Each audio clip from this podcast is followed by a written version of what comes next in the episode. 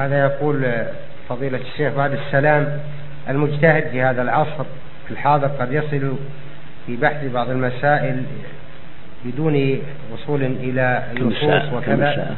الساعة الآن العاشرة إلا خمس دقائق. يكفي نعم مسائل أخرى؟ نعم. في مسائل كثيرة؟ والله كثير جدا. هات الخمس كمل عشر نعم.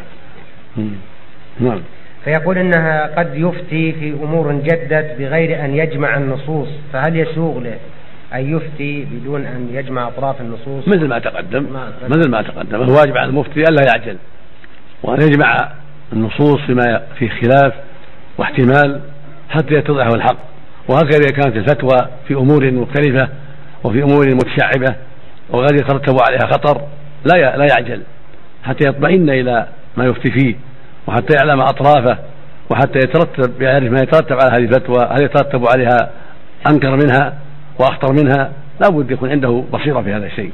حتى لا يقدم إلا على علم وبصيرة وإذا كان يخشى ان يترتب على إنكاره ما هو أنكر أو على فتواه ما هو مضر فلا يعجل.